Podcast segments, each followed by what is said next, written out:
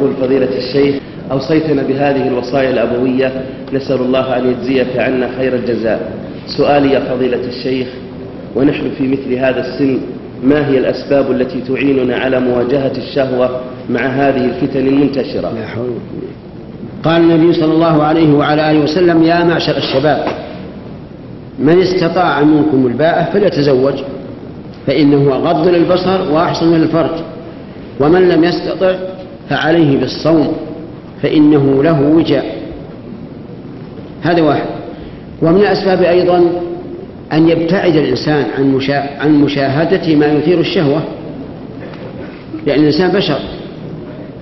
إذا رأى ما, ما يثير الشهوة عبر التلفزيون أو في بعض المجلات فليعرض عن هذا. ثالثا أن لا يحدث نفسه كثيرا بذلك. بل كلما أحس فليتلهى عن هذا. وليطالع بعض الكتب أو يذهب إلى صديقه أو ما أشبه ذلك من ما يلهيه عن هذا. خامسا أن يكون هناك دعوة من أهل العلم ومن الشباب أيضا إلى تخفيف مؤونة النكاح.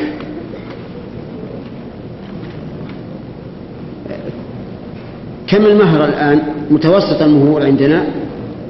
كم؟ أربعين, أربعون ألف هذا بالنسبة للشاب الذي لم يتوظف وليس عنده أب غني.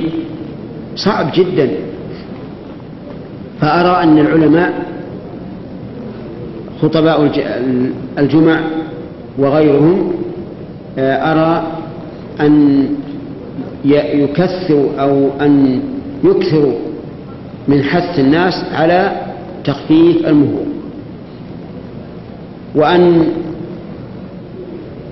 يتقدم وجهاء البلد وأغنياء البلد إلى تطبيق ذلك بأنفسهم. وإني محدثكم عن شخص دعاني لأعقد النكاح لابنته. فلما انتهت الخطبة وهي أن الحمد لله نحمده ونستعينه إلى آخره قلت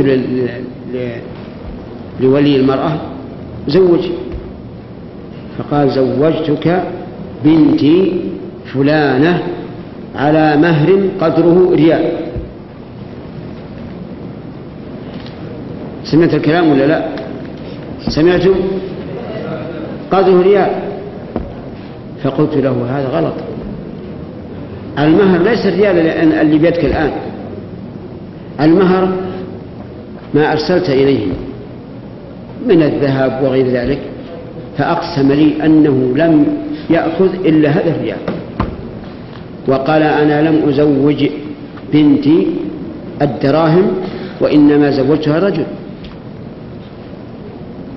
ولولا أن هبتها لهذا محرمة لوهبتها بدون شيء. مثل هذا الرجل يشجع ولا أظن أننا نعدم مثله.